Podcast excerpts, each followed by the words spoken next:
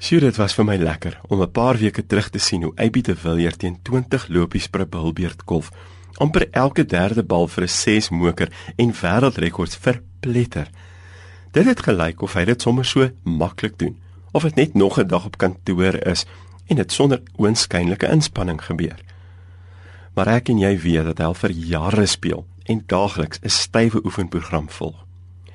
Malcolm Gladwell skryf in sy boek Outliers dat dit iemand rowweg 10000 ure neem voor hy iets regtig gaan bemeester tot by die punt waar dit vir hom of vir haar tweede natuur is en vir die res van ons lyk of hy dit amper in sy slaap kan doen.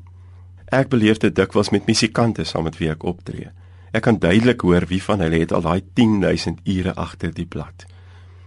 Gary Player het die ure nou nie gekwantifiseer nie, maar hy het mos ook gesê hoe meer ek oefen, hoe gelukkiger raak ek.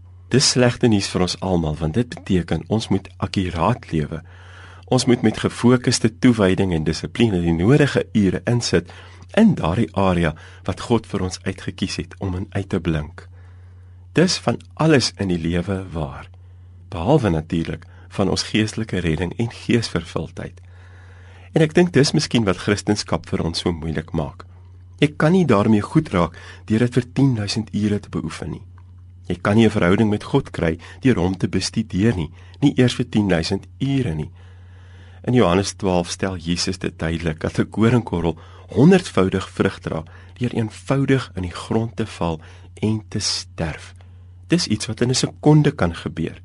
Dis nie deur te sweet en te vroeg nie.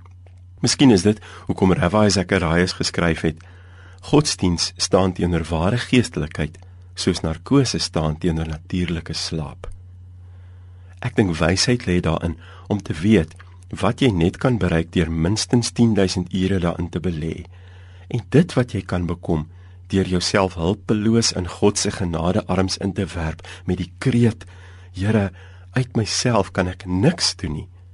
Mag God vandag vir ons daardie lewensbelangrike onderskeid gee sodat ons die lewe soos deskundige veterane kan beoefen en ook in sy genadige rus kan ontspan.